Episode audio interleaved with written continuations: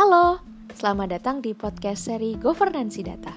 Podcast ini merupakan salah satu hasil dari program pengabdian masyarakat Universitas Airlangga yang berfokus kepada edukasi perlindungan data pribadi untuk masyarakat sipil di tengah pandemi COVID-19. Selamat mendengarkan.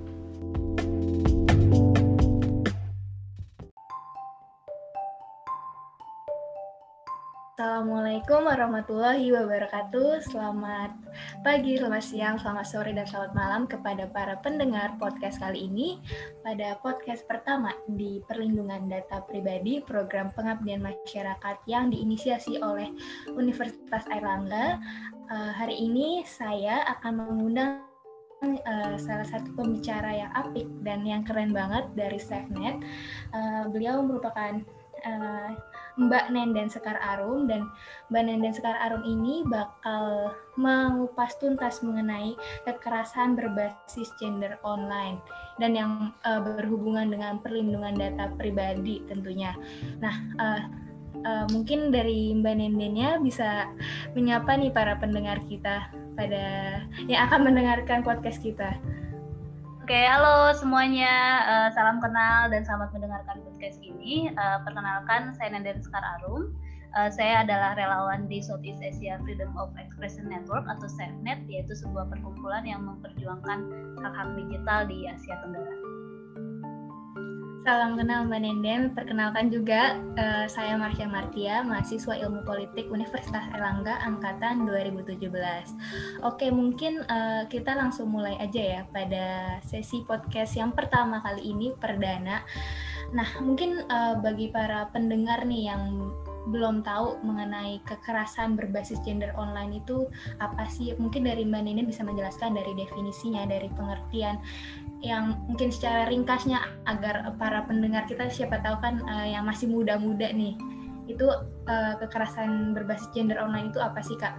Oke, okay, jadi uh, kekerasan berbasis gender online atau kalau pernah dengar kekerasan berbasis, berbasis gender cyber adalah uh, bentuk aktivitas atau bentuk kekerasan dalam uh, konteksnya kekerasan di sini bukan cuma dalam bentuk fisik ya, tapi bisa dalam bentuk ancaman, intimidasi ataupun uh, aktivitas ataupun aksi-aksi lain yang membuat seseorang merasa tidak aman dan tidak nyaman dan kemudian itu menyerang gender, identitas gender ataupun identitas seksual seseorang dan difasilitasi oleh teknologi. Jadi bisa dibilang secara secara defini, definisinya adalah uh, segala hal yang memang membuat seseorang tidak aman dan tidak nyaman dengan menyerang uh, gender dan tadi difasilitasi oleh teknologi. Itu yang paling penting. Oke, mungkin uh, kalau misalnya orang-orang dengar ya dari KBGO itu sendiri biasanya tuh selalu uh, orang-orang tuh ngehnya itu cuma hanya uh, tertuju kepada perempuan. Apa itu benar ya kak? Uh, sebenarnya KBGO itu bisa terjadi pada siapa pun gitu ya terlepas uh, identitas gendernya, orientasi seksualnya gitu. Tapi cuman gara-gara masyarakat kita memang punya mindset patriarki gitu ya di mana melihat laki-laki itu memiliki power atau kekuasaan uh, yang lebih tinggi daripada perempuan ataupun identitas gender lainnya sehingga itu menyebabkan uh, laki-laki akhirnya menjadi mayoritas menjadi pelakunya dan uh, perempuan menjadi korbannya walaupun memang kalau balik lagi siapa pun sebenarnya bisa menjadi pelaku dan siapa pun menjadi korban Oke, mungkin kan karena kekerasan berbasis gender online ini kan tidak memandang gender ya, walaupun itu uh, perempuan ataupun laki-laki atau orientasi seksual lainnya. Uh, apakah di Indonesia sendiri itu ada yang payung hukum yang untuk melindungi gitu para korban-korban KBGO ini? Nah, sebenarnya kalau uh, payung hukum yang memang spesifik melindungi kasus-kasus kekerasan online ini memang belum ada seperti itu ya. Tapi memang ada beberapa uh, aturan yang memang bisa di, digunakan gitu ya. Walaupun memang akhirnya jadi problematis. Misalnya seperti undang-undang ITE itu sebenarnya bisa digunakan untuk menjerat pelaku yang menyebarkan uh, konten. Misalnya konten yang tidak diinginkan. Tapi sayangnya itu juga uh, berisiko uh, bisa membuat si korbannya juga menjadi korban lagi seperti dengan undang-undang yang sama gitu ya atau bahkan juga ada undang-undang pornografi juga sebenarnya bisa digunakan juga tapi balik lagi itu jadi problematik lagi karena itu juga berisiko membuat si korban uh, menjadi uh, dilaporkan juga atau dikriminalisasi gitu. Jadi memang belum ada undang-undang yang memang akhirnya bisa melindungi payung hukum yang bisa melindungi para korban KBGO gitu dan memang kami kita berharap sebenarnya dengan adanya pengesahan undang-undang RUU PKS uh, rancangan undang-undang penghapusan seksual yang kemudian sudah mencakup bahwa kekerasan berbasis gender online itu juga salah satu termasuk kekerasan seksual. Nah itu bisa menjadi salah satu harapan sih sebenarnya buat kita bahwa akan ada payung hukum yang melindungi teman-teman korban KBGO. Oke, mungkin uh, karena Kanen dan dari SafeNet juga ya kan Kak. Uh, dari SafeNet SafeNet itu sendiri apakah udah ada upaya gitu untuk mengadvokasi dari apa para korban-korban ataupun mengadvokasi mengenai RUU PKS itu sendiri atau bagaimana Kak? Jadi kalau selama ini memang advokasi yang dilakukan SafeNet terhadap kasus-kasus KBGO memang langsung ke pendampingan korban gitu ya. Jadi ketika ada korban yang melapor melalui hotline SafeNet ataupun pada kanal aduan lainnya, memang akan kami dampingi, akan kami lihat uh, apa kebutuhannya dan apa yang bisa kami bantu seperti itu. Dan selain itu juga kami bantu untuk advokasi di kebijakan.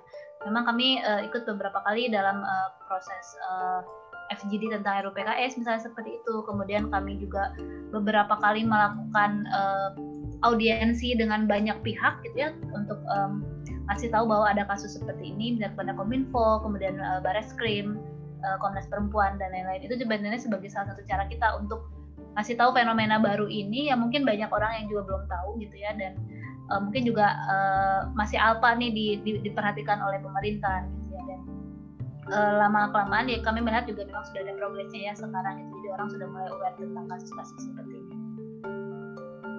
Oke, okay, mungkin uh, dari teman-teman yang dengar nih misalnya nanti ada uh, temannya yang uh, jadi korban, uh, bagaimana sih untuk cara pengaduannya itu sendiri kak? Uh, apakah langsung menghubungi kontak misalnya di Instagram nge-DM SafeNet apakah bisa atau melalui email atau bagaimana kak? Ya, jadi uh, kalau memang ada kalau teman-teman jadi korban misalnya atau bahkan teman-teman tahu tuh ada korban gitu ya uh, yang perlu bantuan gitu ya bisa kontak SafeNet uh, hotline SafeNet gitu ya uh, bisa kontak di sosial medianya SafeNet ada di Instagram ada Twitter kemudian ada ada hotline di WhatsApp juga gitu. Atau teman-teman juga bisa cek di safenet.or.id nanti di situ juga ada poster atau cara-cara untuk melihat bagaimana sih proses pengaduan dan juga bisa akses di awaskbgo.id itu adalah sebuah website yang uh, menjadi uh, hub dari informasi yang berhubungan dengan KBGO. Jadi teman-teman juga bisa melihat di situ ada layanan apa saja yang bisa diberikan, bagaimana proses pelaporan dan bagaimana proses pengaduan. Oke, mungkin uh, juga teman-teman di sini kalau misalnya dia terja uh, mereka mengalami kekerasan berbasis gender online itu sendiri, mungkin mereka bingung ya kak, bagaimana untuk menanggapi para pelaku, apalagi kalau misalnya pasti banyak juga ya uh, maupun perempuan atau laki-laki banyak yang nge-DM di Instagram, apakah uh, apakah harus menanggapi ataupun kalau misalnya kita menanggapi pun takutnya nanti uh, malah seperti apa ya seperti bisa saja lebih apa ya lebih melenceng atau lebih apa ya me, ditakutkan lah ditakutkan hal-hal yang tidak enak terjadi. Dan juga uh, banyak sekali sih kalau yang uh, saya lihat gitu ya di fenomena yang ada di Twitter gitu kan ya kak banyak sekali kan orang-orang yang ngespil ngespil di Twitter ya mengenai misalnya oknum-oknum ini itu sebenarnya boleh atau tidak sih kak dan kalau seandainya uh, banyak nih uh, maupun perempuan dan laki-laki yang sedang mendengarkan podcast ini lantas bagaimana dan apa yang harus mereka lakukan gitu kak? Hmm, Oke, okay. uh, jadi ketika misalnya teman-teman kemudian mendapatkan konten-konten yang tidak diharapkan yang memang kemudian uh, membuat teman-teman tidak nyaman di media sosial yang harus dilakukan pertama kali memang idealnya didokumentasikan dulu gitu. Coba teman-teman screenshot dulu siapa pelakunya gitu ya siapa yang me, uh, mengirimkan konten tersebut. Kemudian kalau ada linknya linknya di copy gitu ya dan disimpan ini ini akan bermanfaat untuk kebutuhan teman ketika teman-teman misalnya akan membawa kasus ini uh, lebih lanjut ke hukum misalnya seperti itu Nah, ketika sudah didokumentasikan, memang idealnya diblok aja langsung pelakunya, tidak perlu berinteraksi seperti itu. Memang tadi benar uh, Marsha bilang kalau kita misalnya menanggapi malah bisa jadi takutnya jadi lebih parah seperti itu ya. Jadi yeah. emang sebenarnya diblok aja gitu ya. Dan ketika teman-teman melihat ternyata ini terus terjadi gitu ya dan memang uh, tidak bisa dihentikan ketika diblok, coba teman-teman dilihat apakah dengan misalnya membuat akunnya menjadi private itu bisa membantu atau tidak gitu ya. Nah itu juga bisa menjadi salah satu opsi sebenarnya dan kemudian untuk kasus masalah spilling the tea di media sosial yang kayak banyak banget kayak gitu uh, sebenarnya di satu sisi aku lihat memang niatnya baik ya gitu ya untuk yeah. Iya. uh, ngasih tahu loh ini loh ada kasus seperti ini gitu ada korban yang butuh bantuan dan butuh dukungan gitu dan ada pelaku yang harus diwaspadai seperti itu tapi di satu sisi juga memang ini akan berisiko gitu. Bagaimana bisa jadi misalnya ketika uh, dalam dalam proses uh, pembuatan pembuatan apa ya pemberian informasi tersebut akhirnya mengungkap identitas pelaku misalnya seperti itu bahkan data-data pribadinya disebarkan hati-hati teman-teman bisa jadi pelaku doxing. Nah ini kan juga jadi masalah lain gitu. Dan belum lagi misalnya uh, identitas korban juga terbuka. Misalnya jadi jadi orang jadi bisa tahu nih korbannya siapa hati-hati itu malah bisa membuat uh, korban jadi trauma dan dia malah bisa mendapatkan uh, bulian misalnya seperti itu ya dapat bulian perundungan dari netizen. Jadi memang uh, ini salah satu uh, hal yang cukup berisiko. Jadi kalau memang belum tahu uh, dampaknya seperti apa terhadap korban sebaiknya jangan dilakukan. Kecuali memang korban udah tahu aware 100% apa yang akan mungkin terjadi ketika ini disebarkan secara di media sosial dia udah tahu apa risikonya dan uh, bagaimana dan dia tetap jalan gitu ya gak, gak apa-apa aku bercerita misalnya seperti ini ya itu uh, tidak masalah. Yang pasti teman-teman ketika menemukan hal tersebut support saja gitu ya, berikan uh, uh, tunjukkan kepedulian teman-teman, beri bantuan, beri dukungan seperti itu. Jangan malah dibully atau jangan malah uh, membuat si korban merasa jadi korban kedua untuk kedua kalinya kayak gitu. Oke, mungkin kalau misalnya Marsha lihat ya di Twitter kalau misalnya ada yang nge-spill mengenai ada KBGO ataupun misalnya kekerasan gender yang lain, biasanya juga dari netizen yang nge-reply itu juga ngebantuin ini ya, kayak nge-spill data-data pribadinya. Sebenarnya berarti itu tidak boleh ya, Kak? Sebaiknya tidak dilakukan karena berisiko nanti yang melakukan hal tersebut malah bisa jadi dikriminalisasi oleh si pelaku gitu ya, karena bisa dianggap pencemaran nama baik ataupun tadi uh, pem pem, pem, pemberian data pribadi atau pembukaan data pribadi tanpa konsen gitu. Jadi uh, itu risikonya aja sih. Jadi harus tahu aja ada risiko tersebut gitu ya. Oke, mungkin juga dari misalnya ya dari Marsha misalnya melihat teman Marsha misalnya menjadi korban gitu ya. Kalau misal atau Marsha lihat ada video teman Marsha gitu yang tersebar di online berarti apakah kita harus uh, menanyakan konsensual uh, kayak apakah ini mau ditindaklanjuti atau ataukah kita langsung ngelaporin ke apa pihak yang berwajib atau bagaimana kak?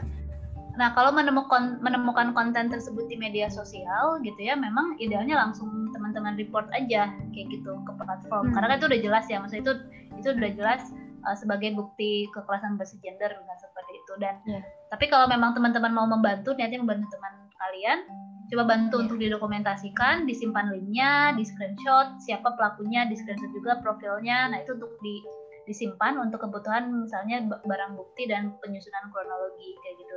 Dan yang pasti selain itu, selain nge-report uh, kontennya, teman-teman juga idealnya pak tanyakan bagaimana kondisi teman-teman kayak gitu ya. Gimana kondisinya, gimana kabarnya, bagaimana uh, apa kebutuhannya gitu ya. Selain kita nge-report konten tersebut juga coba dijangkau dan tanyakan kebutuhannya barangkali dia memang butuh ada butuh bantuan konseling psikologi misalnya mungkin bisa teman-teman bantu misalnya atau hal-hal lain yang bisa dia bantu kayak gitu. Oke, mungkin uh, waktu itu sebenarnya uh, uh, saya juga melihat sih waktu itu sempat viral juga ya di media kalau misalnya ada yang salah satu korban yang nge-spill kejadiannya udah satu tahun yang lalu sih gitu. Hmm. dia dilakukan apa pelecehan seksual secara nyata gitu. Tapi habis itu uh, berlanjut sampai ke DM Instagram gitu kan. Tetapi sayangnya eh tetapi uh, korban ini uh, baru ada keberanian untuk mengungkapkan kan pastinya banyak sekali ya kak korban-korban yang merasa takut ataupun bisa saja kayak uh, merasa jijik sama diri sendiri gitu kan mengenai apa yang sudah terjadi padahal bukan salah dia.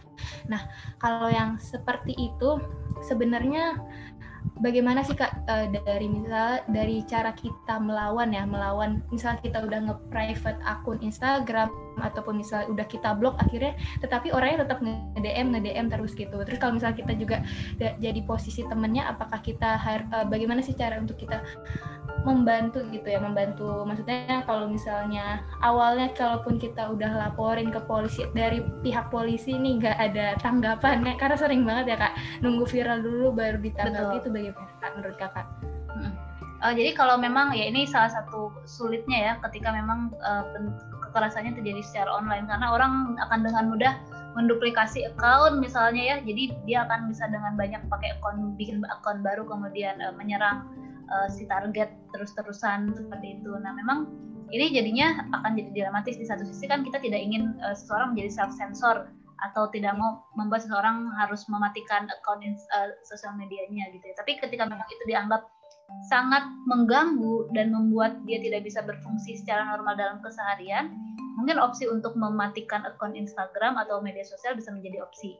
Setidaknya kan ini untuk membuat uh, si korban setidaknya berjarak lah dengan pelaku gitu ya atau berjarak dengan kasus ini gitu sehingga dia bisa fokus pada hal lain kayak gitu. Itu itu itu salah satu cara yang bisa dilakukan walaupun sebenarnya idealnya memang uh, kita bisa melaporkan semua akun tersebut yang dilakukan dan harus ngeblok satu-satu dan memang ini akan repot ya memang akan repot ya, repot tapi banget. tapi itu yang memang bisa kita lakukan kayak gitu. Dan kita sebagai teman kita sebagai temannya ya kita juga bisa bantu untuk report akun tersebut kayak gitu kan. Jadi mungkin teman-teman tahu nih uh, dia cerita misalnya aduh aku nih di DM terus sama akun ABCDF gitu ya. Uh, dan dan akun-akun ini gitu. Nah kita sebagai teman kita bisa bantu sebenarnya ini salah satu cara yang di, uh, dilakukan oleh teman-teman gerakan sebenarnya ketika menemukan konten KBGO adalah langsung menyebarkan uh, uh, tersebut untuk kemudian di report bareng-bareng di media sosial gitu. jadi kayak oh udah tahu nih yang ngelakuin tuh akunnya ini ini, ini. Kita report di Twitter kita report di Instagram itu sampai si uh, akun tersebut disuspend ataupun di blok seperti itu. Itu jadi salah bisa jadi salah satu cara oke mungkin uh, berarti uh, yang menjadi fokus ya terhadap misal kita menjadi salah satu temannya korban berarti kita juga uh, harus men dampingi selalu ya kak. Jangan ditinggalkan gitu kan. Apalagi kalau misalnya uh, kita mau bantu untuk kasus ini di up ke pihak yang berwajib kita harus menem, apa maksudnya menemani gitu ya menemani untuk uh, prosesnya sampai bagaimana. Soalnya kan banyak juga ya kalau misalnya setahu saya kalau misalnya kita ngelaporin ke pihak yang berwajib sering banget dari pihak polisinya tuh uh, bilang kalau misalnya itu salah kamu kali ya nggak sih kak karena banyak sekali uh, para pihak berwajib yang malah menjadi menyudutkan korban itu sendiri dan akhirnya korbannya malah jadi malas untuk menindaklanjuti uh, mengenai kasus tersebut gitu. Nah, uh, mungkin uh, dari para korban ataupun dari teman-teman yang mendengarkan uh, podcast ini mungkin gimana gimana sih gimana sih kak cara kita untuk mengakses bantuan perlindungan misalnya dari pemerintah ataupun dari pihak-pihak uh, NGO yang kita raih itu kita harus menghubungi ke mana gitu kak selain hmm. SafeNet itu sendiri? Oke okay, betul. Ya, betul sekali Marsha. Jadi tadi yang digarisbawahi adalah bahwa uh, aparat penegak hukum kita memang masih sangat rentan melakukan victim blaming kayak gitu dan memang itu biasanya dilakukan ketika uh, si korban melapor tanpa ada pendampingan pendamping hukum seperti itu karena kita dianggap tidak paham hukum, kita dianggap tidak tahu apa-apa jadi dengan mudah uh, aparat penegak hukum uh, melakukan hal-hal sewenang-wenang seperti itu. Nah, lalu lantas bagaimana sih cara kita bisa mengakses uh, bantuan gitu ya, mengakses uh, pendampingan? Uh, sebenarnya yang paling gampang adalah teman-teman menghubungi Komnas Perempuan. Uh, jadi teman-teman bisa cek di websitenya Komnas Perempuan, dia punya hotline, dia punya uh, form online yang bisa diisi kayak gitu. Nah, ketika teman-teman sudah mengada, uh, menghubungi Komnas Perempuan, nanti teman-teman akan diverifikasi, akan dihubungi dan akan ditanyakan kebutuhannya seperti apa, apa yang teman-teman butuhkan. Gitu. Apakah teman-teman membutuhkan konsultasi keamanan digital misalnya, apakah teman-teman membutuhkan uh, layanan konseling psikologis, apakah teman-teman membutuhkan uh, bantuan hukum misalnya, kalau memang sudah ketahuan apa kebutuhannya nanti akan dibantu dirujuk oleh Komnas Perempuan ke lembaga-lembaga yang memang uh, sesuai dengan uh, kapasitasnya seperti itu. Misalnya kalau untuk konsultasi keamanan digital akan dirujuk ke SafeNet atau Purple Code. Kalau memang kebutuhannya adalah layanan konseling akan dirujuk ke yayasan pulih gitu ya ataupun ada P2 TP2A ini adalah lembaga di bawah Kementerian Pemberdayaan Perempuan dan Perlindungan Anak. Ini ada ada di setiap kabupaten. Jadi sebenarnya teman-teman bisa mengakses P2 TP2A yang ada biasanya ada layanan konseling, ada layanan bantuan hukum juga gitu ya. Dan atau teman-teman ketika memang butuhnya bantuan hukum biasanya akan dirujuk ke LBH terdekat gitu, lembaga bantuan hukum terdekat jadi itu sih jadi memang sebenarnya bisa langsung ke tadi ke lembaga-lembaga yang memang menyediakan layanannya atau kalau memang nggak tahu bingung gitu ya bisa ke Komnas Perempuan dulu aja itu jadi salah satu hal yang bisa dilakukan ya untuk mengakses mengakses uh, bantuan. Oke berarti kalau misalnya uh, dari misalnya dari pihak korban ataupun misalnya teman dari korban bingung harus menghubungi ke mana berarti Komnas Perempuan menjadi jalan yang utama ya kayak ya. jalan yang paling baik. Nah Mungkin uh, pertanyaan terakhir dari saya, jadi uh, karena kita tahu kalau misalnya kekerasan berbasis gender online ini kan pasti terjadi uh, uh, tidak hanya di aplikasi, uh, maksudnya terjadi di banyak-banyak aplikasi di Instagram, di Twitter, di Facebook, di mana pun itu kan uh, banyak platform-platform yang terjadi KBGO itu sendiri. Nah, ataupun misalnya juga bisa terjadi di obrolan chatting seperti seperti itu seperti itu bukan kak? Kalau misalnya di Betul. WhatsApp atau misalnya kirim-kirim stiker atau kirim-kirim stiker tapi terkadang orang-orang tuh tidak menyadari ya kak kalau misalnya dia uh, sedang melakukan kekerasan berbasis gender online gitu ya kak? Betul kalau misalnya betul, di aplikasi chatting obrolan gitu sebenarnya apa sih kak? Maksudnya yang uh, buat biar orang-orang sadar kalau orang-orang tuh uh, ngeh gitu. Kalau ternyata apa pun yang perla, apa yang sedang mereka lakukan tuh um, uh, mengarah kepada kekerasan berbasis gender online gitu kak. Betul betul. Karena memang e, bentuk pelecehan seksual, bentuk kekerasan berbasis gender online ini bisa dibilang salah satu hal yang cukup baru ya. Maksudnya kayak ini pun masuk yeah. term di Komnas Perempuan masih dalam lima tahun terakhir lah, baru lima tahun terakhir. Dan memang mungkin banyak orang yang belum sadar bahwa apa yang dia lakukan itu bisa jadi dikategorikan terhadap bentuk kekerasan seksual atau bahkan kekerasan berbasis gender online. Makanya uh, perlu adanya edukasi gitu ya ketika teman-teman menemukan uh, pelaku atau menemukan orang yang melakukan bentuk pelecehan misalnya yang pertama bisa kita lakukan adalah memang menegur dulu tegur dulu kasih tahu dulu bahwa eh apa yang kamu lakukan itu masuk dalam bentuk pelecehan seksual loh. Itu bikin orang tidak nyaman loh gitu ya. Nah ketika bisa jadi kan dia mereka melakukan itu karena dia tidak tahu gitu ya. Jadi ketika yeah. sudah dikasih tahu dan akhirnya mereka mau berubah berarti itu baik gitu ya. Jadi kita sudah bantu mengedukasi gitu. tapi kalau di satu sisi ternyata masih ngeyel gitu ya dan itu memang bisa jadi dia punya niat buruk sebenarnya. Jadi itu yang bisa kita lihatlah dan bisa mulai mensortir orang mungkin ya siapa yang bisa kita ajak berkomunikasi seperti itu.